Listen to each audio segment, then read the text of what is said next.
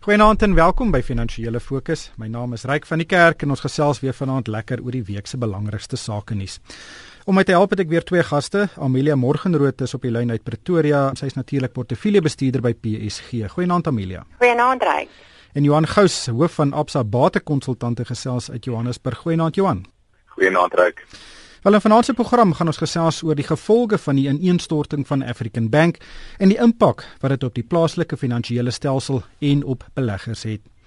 Heelwat swakker as verwagte kleinhandel verkoopsyfers is die week bekend gemaak en dit jaag natuurlik weer die resessie spook op. En ons gaan kyk na die aandelemark wat die week meer as net 'n bietjie asem geskep het. Verskeie maatskappye het resultate aangekondig met sommige grootes wat nie heeltemal aan verwagtinge voldoen het nie. Maar uh, Amelia, kom ons begin by African Bank. Uh, verlede Sondag het die Reserwebank vir African Bank onder kuratorskap geplaas nadat die vloer onder die maatskappy se aandeleprys uitgeval het. En ons het die weke amper se paniekerige reaksie gesien, soos beleggers geskarrel het om uit te vind wat hulle blootstelling aan hierdie uh, African Bank intuimeling was. Amelia, het ons 'n oorreaksie gesien? Wat is die impak van die ondergang van African Bank op gewone Suid-Afrikaners? Ek dink nie dis heeltemal 'n oorreaksie nie. Ehm um, ryk mense moet dit in die konteks sien daarvan dat daar eintlik welvaart vernietig is, nê, nou, en daar's mense wat geld verloor het. So dit skep altyd 'n baie slegte gevoel en sentiment. En dis twee aspekte wat die die die rede waarom Able African Bank eintlik so groot ding is, is omdat daar twee aspekte is wat jy in gedagte moet hou. Een kant het jy die maatskappy en die aandeelhouers van die maatskappy wat hulle geld verloor. Aan die ander kant is daar al die skuldbriewe en instrumente, skuldinstrumente wat African Bank in die mark gehad het wat hulle geld geleen het by by die publiek om dan nou lenings te maak aan mense wat dan nie die lenings terugbetaal het nie. So as jy nou mooi daaroor gaan dink, eh, as daai lenings nie terugbetaal word nie, dan dan die ou wat mos nou sy geld geleen het vir African Bank gaan mos nou sy geld verloor. En dit is dit is 'n groot ding. Ek bedoel ons praat hier van miljarde rande wat nie terugbetaal word nie en hierdie maatskappy gaan nou basies in twee gedeel word, die goeie bank en die slegte bank. Die goeie bank het 'n 26 miljard rand leningsboek en die slegte bank het 'n 17 miljard rand leningsboek en die Reserwebank gaan het dit nou gekoop vir 7 miljard rand.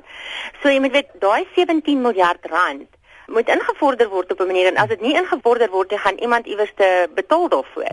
Maar Amelia, dit is die realiteit. Ja, maar die die die, die punt wat die Reservebank nou wil doen is hulle wil die, die slegte bates skei van die goeie bates ja. en dan probeer om African Bank in een of 'n ander vorm te bewaar.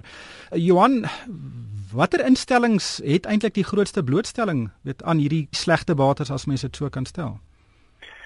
Wel, ryk ja, ek dink ons moet dan onderskei tussen ehm um, die aandele wat ons nou gesê het en dan ook dan die skuldbriewe basies van van Able en ek dink uh, as ons praat van blootstelling, is dit eintlik van akademiese belang wat ook al die aandele blootstelling was en dit is eintlik nou basies nul werd, né? Nee. Ja. So ons kyk na die skuldbriewe blootstelling. Ek dink die naam wat meeste opgekom het uh, is nou eintlik maar Coronation and Coronation as 'n maatskappy het 'n groot belang gehad in in African Bank en ek dink ook in hulle portefeuilles en van hulle portefeuilles was dit was ook 'n redelike blootstelling geweest. Maar ons weet ook dat van jou batebestuurders soos uh, Ellen Gray was eintlik nog tot op die einde eintlik kopers geweest van van die aandele en uh, selfs hulle het ook so 'n bietjie blootstelling gehad aan die skuldbriewe. So dit is baie moeilik om noodwendig spesifieke maatskappye uit te wys maar ek dink die een ding hierso is dat baie van hierdie groter batebestuurders as gevolg van die feit dat hulle soveel bates bestuur het hulle nie eintlik die luksheid gehad van om groot blootstelling aan African Bank te hê nie want om 'n wesenlike belang of om 'n eh, deel van hulle portefeuilles te kon hê in in Able moes hulle moes daar likwiditeit wees en moes daar genoeg aandele wees om in te belê. En uh, daarom dink ek oor die algemeen kan ek sê dat van jou groter batebestuurders nie noodwendig verskriklik baie blootstelling aan, aan African Bank sou gehad het nie. Ons het by by Moneyweb vreeslik baie um, reaksie gekry van kleiner beleggers wat graag by hulle batebestuurders wou weet wat is die blootstelling en dat daai kommunikasie ja. nie baie goed was nie en dit het die vinger is veral gewys na Coronation um, hulle het later die week met 'n baie gedetailleerde weet 'n persverklaring vorendag gekom, maar dink jy dit is ook uh weet die onderrok wat 'n bietjie hier uitrang van die groot batebestuurders wat nie bekend gemaak het presies wat hulle blootstelling was nie? Ja, Ryk, ek dink hierso kom uh daai stelling uit van as jy wanneer die wanneer die die gety uitgaan dat ons sien weet eintlik naak geswem en uh ek dink Coronation was ten minste in die skrywers wat hulle toe wel uitgestuur het, het hulle basies gesê hulle is geëmbarrasseer deur die tipe van blootstelling wat hulle gehad het. Hulle het ook duidelik uitgespel hoekom hulle geglo het dat daardie blootstelling wat hulle wel gehad het geregverdig was. So ek dink ten minste as mense kan verstaan wat is die denkprosesse agter daardie blootstelling help dit al 'n bietjie maar dit is sodat ek dink baie van hulle batebestuurders uitgekom en gesê o nee ons het nou 'n 0% of baie naby 'n 0% blootstelling natuurlik het hulle baie laer blootstelling gehad nadat die aandele wat hulle wel blootstelling aangegaat het basies 0 werd geword het en hulle hulle basies dan nog net die die skuldbriewe komponent hoef te gewys het so ek kan verstaan dat baie van die beleggers daar buite ongelukkig was oor die kommunikasie. Wat was die kommunikasie van Absa se kant af? Ek ek dink dit is 'n sensitiewe punt hierdie week gewees spesifiek vir die geldmarkfonds beleggers omdat daar was baie min tyd tussen die aankondiging van die Reserwebank Sondag, die besluit van die industrie kollektief wat hulle geneem het Maandag om te sê hoe hulle gaan werk met hierdie afskrywing. So teen Maandag nag al was daar 'n uh, basis van die uh, waardevermindering van die beleggers se rekenings en daar was ongelukkig nie genoeg tyd om aan beleggers te sê wat hulle die Dinsdagoggend sou sien op van hulle beleggings nie. Maar wat ek wel kan sê is dat en ek kan nou net basies namens Absa praat is om te sê jammer dat die kommunikasie dalk nie so goed was as kon wees nie. Dit was 'n moeilike tyd en ons vinnig gereageer word, maar dat al die aanpassings wat wel gemaak is daai maandagnag is in lyn met wat die industrie besluit het. Hmm.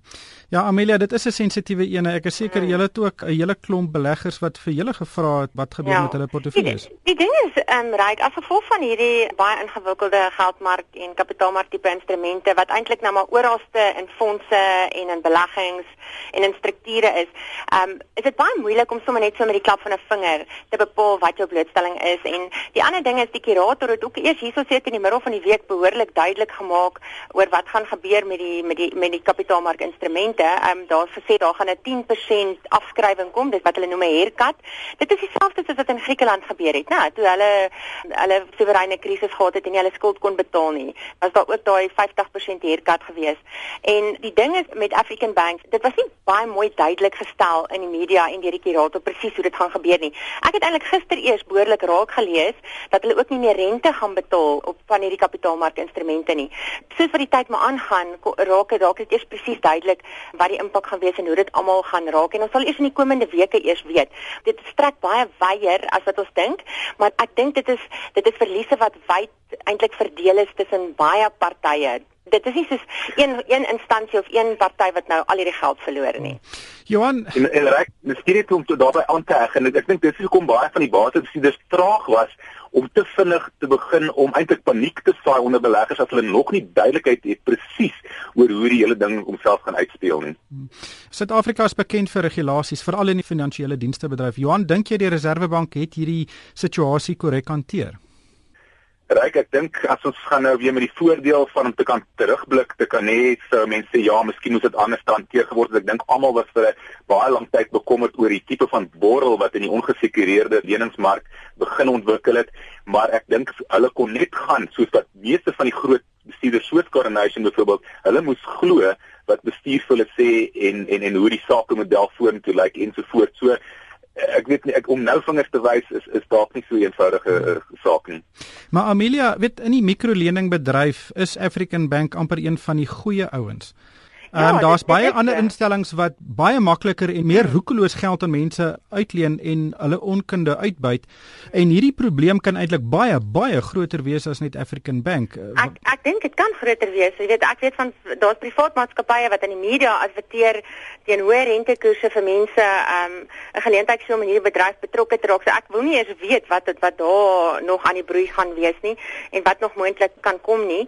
Ek stem saam met ehm um, Johan, ek dink die die reservebank kon dalk 'n bietjie of die die owerhede kon dalk 'n bietjie vroeër al ingegryp het daar by African Bank. Hulle het hulle mos 'n tydjie gelede met 'n 20 miljoen rand se boete geslaan as gevolg van lenings wat hulle roekeloos uitgegee het. Maar ek dink hulle moes weet meer in detail gekyk het, maar dan was dit ook 'n ding van African Bank het hierdie vorige krisis in die mikroleningsbedryf veilig daar uitgestap en hulle het dit gekom. So daar was half 'n vertroue in die mark en hulle, né, dat hulle weet presies hoe die industrie werk, dat hulle nie weer sulke foute sal maak nie en dat hulle mense het hulle eintlik vertrou dat hulle omdat hulle 'n groot genoteerde maatskappy was op 'n stadium een van die top 40 maatskappye in Suid-Afrika, het mense hulle eintlik al vertrou en vir Leon Kirkenes vertrou dat hy die maatskappy op die regte manier bestuur en die regte dinge doen. So dit was eintlik 'n skok geweest, jy weet, en ek is persoonlik mateloos beïndruk met die Reservebank het hulle na die handelsopdatering wat verlede week Woensdag uitgekom het en Coronation wat natuurlik eintlik verantwoordelik was vir die ineenstorting van die aandeleprys toe hulle daardie groot klomp aandele in die mark neergesit het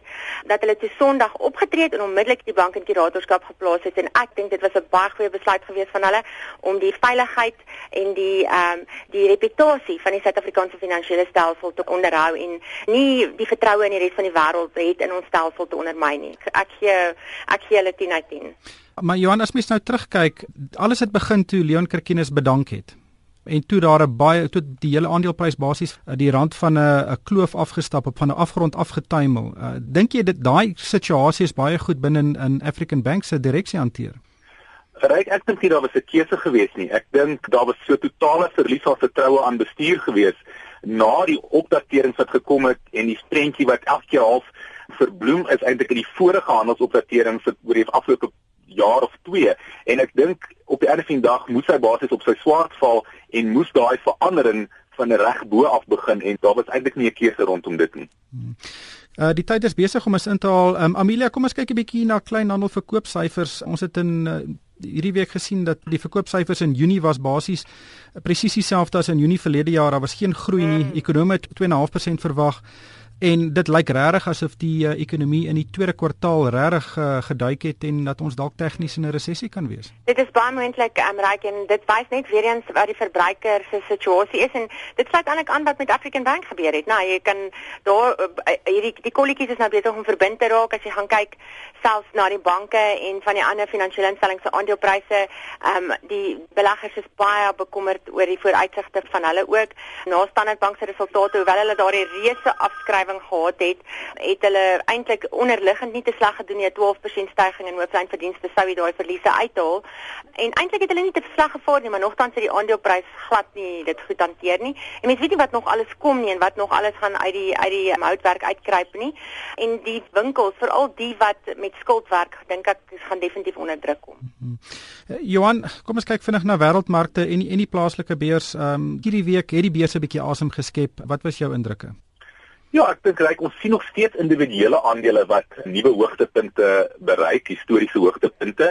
En ek dink wat jy vind is dat uh, op hierdie stadium is batebestuurders besig om selektief te kyk waar is daar nog spesifieke waarde in in in spesifieke aandele want ons weet byvoorbeeld dat die top 5, 6 uh, aandele in die Suid-Afrikaanse mark spesifiek baie sterk gehardloop het oor die laaste 3 jaar al en dat daar relatief meer waarde in van die ander aandele is. Ek dink van daai geleenthede kom nou deur en kan ons sien in die aandelepryse elke nou en dan van die nuwe hoogtepunte wat bereik word. Maar ek dink die wêreld oor die algemeen in die laaste 2-3 weke eintlik so 'n bietjie asem geskep. Daar's 'n bietjie van konsolidasie. Ek dink die positiewe sein vir my is dat die ekonomiese syfers in Amerika bly nog steeds meerendeels positief te wees en dit gee ons maar 'n in, indruk van wat wêreldwyd in die ekonomie gebeur en ek dink dit is besig om tog 'n goeie uh, basis te skep vir die markte om van hier af steeds nog te kan vorentoe beweeg. Hmm. Ons sal natuurlik aanstaande week sien wat die uh, eh, BBP groei syfer vir Suid-Afrika in die tweede kwartaal was. Um, Amelia net laastens, baie maatskappye het resultate uitgereik, maar ek wil net by een bietjie stil staan en dis Northern Platinum. Die groep se wins vir sy boekjaar tot einde Junie het basies uh, van 530 miljoen rand tot 20 miljoen rand geval en dit wys werklik die impak van daai groot staking in die platinum bedryf. En uh, wat vir my interessant was van die resultate is dat hulle sal belangstel om van Anglo American Platinum se bates te koop en voorheen is nog nie die name van Sibanye Gold en sommige Chinese maatskappye genoem om weet uit te brei in die platinum bedryf. Wat het jy gedink van die resultate en hulle hand wat hulle opgesteek het en gesê hulle wil dalk van 'n ander platinum bates koop? Ja, die is dis resultate was eintlik te sleg nie. Hulle het darm nog steeds 'n wins gemaak, hoewel hulle wins baie gedaal het van die vorige jaar af. Dit was net so onder 20 miljoen rand. Dit het 96% gedaal, maar ten minste was hulle darm nog steeds in 'n winssituasie ondanks hierdie ehm um, groot staking wat natuurlik al hulle winste uitgevee het voor die verlede jaar het hulle 528 miljoen rand se wins gemaak. Nou Northern is definitief een van jou kleiner platinum maatskappye, maar in die tweede van platinum myne en platinum maatskappye is hulle verseker een van die beter kwaliteit platinum myne. So ek dink daar's definitief 'n baie goeie kans vir hulle om voordeel te trek uit hierdie sektor wat eintlik in soveel moeilikheid is en hulle sê ook in hulle resultate dat hulle hulle posisioneer vir potensiële groei en om 'n deelname te hê in die sektor wat onder soveel moeilikheid en druk is. So ek dink daar's definitief 'n groot moontlikheid. Hulle hulle ken die bedryf, hulle weet presies hoe dit werk. Dit lyk asof hulle arbeidsverhoudinge 'n bietjie beter is as by die groot platinemyne. So daar's definitief 'n kans dink ek. En hulle is ook besig met 'n swart bemagtigingstransaksie wat hulle probeer finaliseer. So in hierdie proses waar hulle dit ook nou doen, kan daar definitief 'n moontlikheid van herstrukturering. Ongelukkig hierdie tyd ons ingehaal. Baie dankie aan Amelia Morgenrood van PSG en Johan Gous hoof van Absa Bate Konsultante en van my ryk van die kerk. Dankie vir die saamluister en ek hoop almal het 'n winsgewende week.